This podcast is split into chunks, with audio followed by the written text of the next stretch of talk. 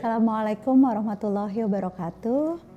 Masih melanjutkan pembahasan saya dan Abi Quran Surah At-Tur. Ini kelompok ayat 39 sampai dengan 49 yang insya Allah kita selesaikan hari ini. Dan uh, keyakinan utama tentang Allah Sang Maha Esa lalu harus kita pegang di dalam hati. Kemudian juga uh, tentang bagaimana seorang muslim hendaknya bukan orang yang keras kepala dalam menerima suatu ajaran yang benar. Itu beberapa poin yang kita bahas di ayat-ayat sebelumnya. Sekarang kita akan lanjutkan lagi uh, pembahasannya. Silakan Abi.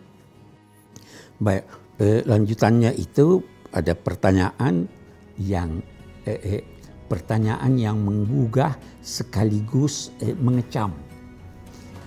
Am lahum ilahun ghairullah Subhanallah amma yusyrikun. Atau apakah mereka mempunyai Tuhan selain Allah? Sebenarnya kalau mereka ditanya, Man samawati wal ard? Siapa yang menciptakan langit dan bumi? Mereka berkata Allah. Tetapi mereka mempersekutukannya. Ya, oh ada pembantu-pembantunya, ada eh, berhala-berhala yang ini. Maka di sini dikecam, ditanya, apakah mereka percaya ilah? Apa arti ilah? Ilah itu Tuhan. Tuhan, Tuhan itu yang disembah, yang ditaati.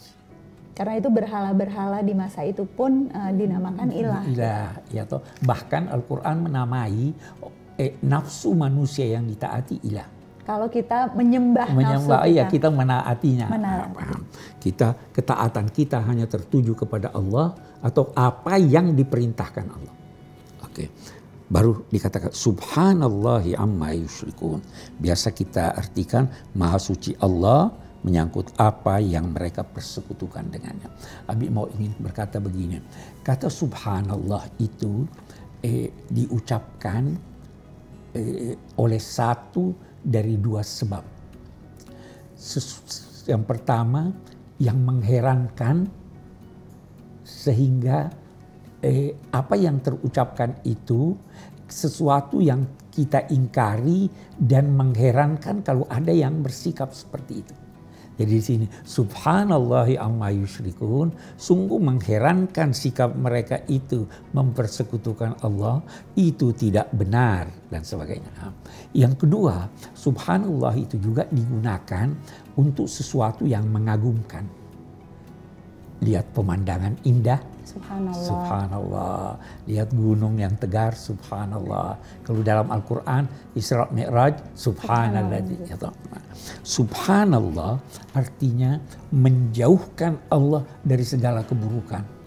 Bukan hanya keburukan, kesan yang menimbulkan kesan buruk pun harus dijauhkan. Jadi semua uh, persepsi prasangka kita yang negatif pada Allah pun itu harus, harus disingkirkan. disingkirkan Maha suci Allah dari itu. Bukan hanya itu. Memuji Allah pun kita masih harus singkirkan. Kenapa? Karena pujian kita tidak cukup. Pujian kita boleh jadi salah. Jangan puji orang kalau Anda tidak tahu. Jangan berlebih. Tapi jangan juga berkurang kalau mau sempurna pujiannya. Betul. Maka kita nanti di ayat akhir ayat ini kita akan kembali lagi menyinggung ini. Subhanallahi amma yusyrikun. Nah, baru dilanjutkan keras kepalanya lagi. Wa iyyarau kisafam minas sama'i saqitan yaqulu sahabun mar. Seandainya mereka melihat tumpukan di langit. Eh, eh, tumpukan asap dari langit. Ha? Yang membawa siksa yang membawa bencana. Mereka berkata, oh itu hanya keping-keping awan yang bertumpuk-tumpuk. Jadi melihat bahaya pun itu menunjukkan betapa keras kepala mereka. Keras kepala tertutup hati gitu. Iya. Nah, maka Nabi Muhammad diperintahkan sekarang. Fadarhum, biarkan aja mereka. Sampai mereka menemui hari di mana mereka itu akan dibinasakan. Kita berhenti lagi di sini. Zarhum. Biarkan mereka. Apa itu berarti biarkan tinggalkan mereka? Enggak. Tidak. lanjutkan dakwahmu. Biarkan mereka menghina kamu, jangan itu menghalangi kamu untuk berhenti. Biarkan mereka keras kepala, lanjutkan dakwahmu. Kesudahan mereka itu di tangan Tuhan. Jadi yang diminta adalah Nabi Muhammad SAW itu bersabar ya, Bi? Bersabar, bersabar, bersabar dalam ini bersabar. Oke, okay, padarhum hatta yulaqu yawmain. Ketika itu la yughni anhum kaiduhum syai'an. Ketika itu tidak akan berguna sedikit pun tipu daya mereka. Dan kalau tipu daya mereka itu kan tipu daya itu datang dari usaha mereka kan? Betul. Oke. Terus dikatakan walahum yunsorun. Mereka juga tidak akan dibantu oleh siapa pun. Jadi tidak akan berguna buat mereka upaya mereka atau upaya orang lain yang mau menyelamatkan mereka. Jadi tidak di hari ada. akhir nanti sama sekali tidak ada pertolongan kepada tidak ada pertolongan uh, kepada mereka itu. Wa inna lilladina zalamu adaban duna dzalik. Sesungguhnya untuk orang-orang yang zalim di sini dia tidak katakan yang kafir, yang zalim, yang menempatkan sesuatu bukan pada tempatnya. Puncak penempatan sesuatu bukan pada tempatnya itu adalah menganggap bahwa Tuhan punya sekutu. Orang-orang yang demikian itu masih punya siksa selain yang disebutkan ini. Siksa yang pertama itu kematian tokoh-tokoh mereka di dalam perang Badar. Itu kata ulama. Siksa yang lain itu banyak pendapat. Salah satu di antaranya siksa di alam barzah. Mereka juga akan disiksa di sana. Walakin aksaruhum la ya'lamun. Tetapi sebagian besar mereka tidak tahu. Sebagian besar. Ada yang tahu. Tapi, Jadi disiksa tapi tidak sadar bahwa itu adalah siksa. Eh, bisa begitu tapi di sini eh, yang dimaksud aksarum la alamun tidak mengetahui bahwa ada siksa di balik eh, sikap mereka itu. Nah, maka dikatakan fasbir li hukmi rabbik. Maka bersabarlah menyangkut ketetapan Tuhan. Apa ketetapan Tuhan itu bisa jadi. Ketetapan Tuhan yang pertama jangan balas mereka. Jangan maki mereka. Jangan doakan mereka. Ya toh? Nah, ketetapan Tuhan yang kedua adalah lanjutkan usahamu. Okay. Eh, ada ayat di dalam Al-Quran yang menceritakan bahwa Nabi Nuh mendoakan kaumnya supaya hancur. Betul, betul. Ayat ini bisa difahami, jangan ikuti Nabi Nuh. Nabi Muhammad diminta bersabar, bersabar tidak jangan. membalas dan terus berjuang. Doa. Ada doa di dalam Al-Quran yang tegas menyatakan wala takun hud iznada wa huwa maktum. Jangan menjadi seperti Nabi Yusuf yang ditelan ikan. Dia berdoa Nabi Yunus, sam, uh, Nabi Yunus. Dia ditelan ikan, eh, dia berdoa sambil gondok. Apa itu gondok? Jengkel, kesal, kesal marah. Bete. Jangan, jangan, jangan berdoa. Itu sebabnya Nabi Muhammad eh, salah satu salah satu uh, peristiwa yang dianggap paling sulit beliau hadapi itu Sayyidah Aisyah pernah bertanya, apa yang paling sulit kamu hadapi?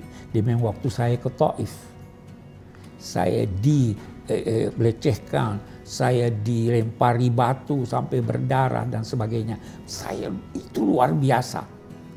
Sampai malaikat turun, maukah engkau saya eh, saya hancurkan mereka ini atas izin Tuhan. Kata Nabi Muhammad, jangan. Mereka sudah kufur sama kamu. Apa kata Nabi Muhammad? Saya masih mengharap anak cucunya menjadi anak-anak yang baik. Ya Jangan doakan orang dengan kejahatan. Jangan doakan orang dengan kejahatan. Dan ini teladan yang dicontohkan Nabi dicontohkan di itu, ayat itu. ini. Apalagi Bi, terakhir. Apalagi yang diperintahkan kepada Nabi dari ayat ini, ayat uh, terakhir dari Quran surat At-Tur ini ayat okay, 48 okay. 49 uh, ini. Uh, dikatakan sabar fa innaka bi ayunina kamu itu di mata-mata kami. Mata, bukan hanya satu mata, maksudnya perhatian penuh dari kami. Wasabbih bihamdi rabbika hina taqum wa minal laili fasabbihu wa idbaran nujum. Dan bertasbihlah kepada Tuhanmu saat engkau bangkit.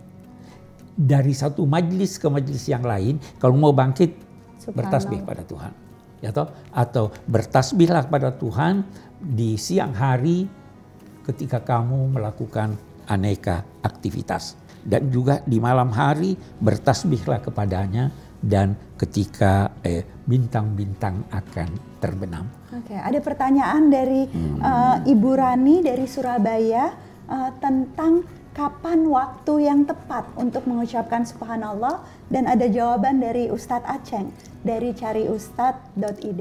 Kita saksikan sebentar. Assalamualaikum warahmatullahi wabarakatuh.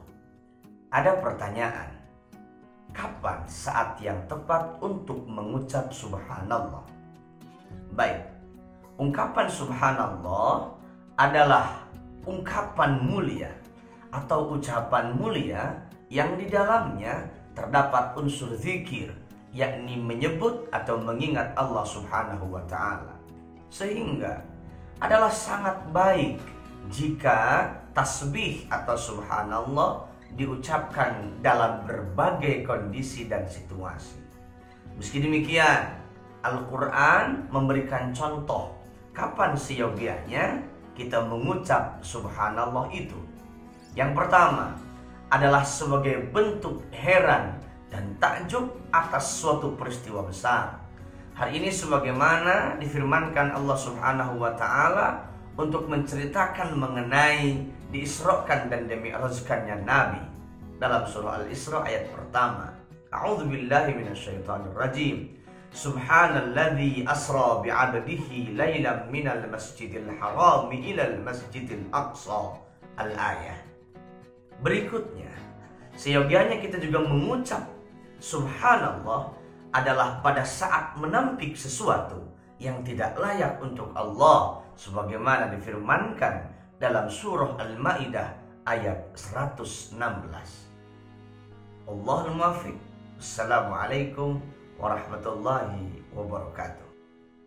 Ayat ini yang memerintahkan untuk bertasbih eh, pada saat bangkit atau pada di malam hari dan sebagainya itu eh, oleh ulama-ulama itu di, di, dinyatakan bahwa Nabi sering kali membaca eh, tasbih yang bunyinya subhanakallahumma bihamdika asyhadu alla ilaha illa anta astaghfiruka wa atubu ilaih. Itu redaksinya yang diajarkan. Oke, okay, oke. Okay. Bisa bisa dilihat di sini apa redaksi uh, kalimat tasbih yang diajarkan oleh Nabi dan mudah-mudahan bisa kita praktekkan setiap hari dan kita juga bisa terus meneladani Nabi Shallallahu Alaihi Wasallam. Bukan hanya di bulan Ramadan, kebiasaannya bisa dimulai hari ini, tetapi insya Allah bisa kita lanjutkan sepanjang hidup kita nanti.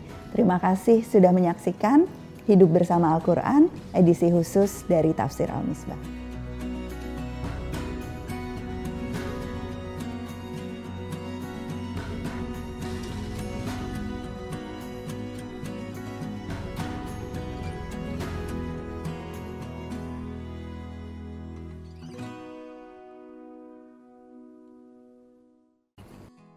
Bait Al-Quran adalah salah satu program pusat studi Al-Quran dalam bentuk pesantren pasca tahfiz khusus bagi santri berbagai daerah yang sudah hafal 30 juz.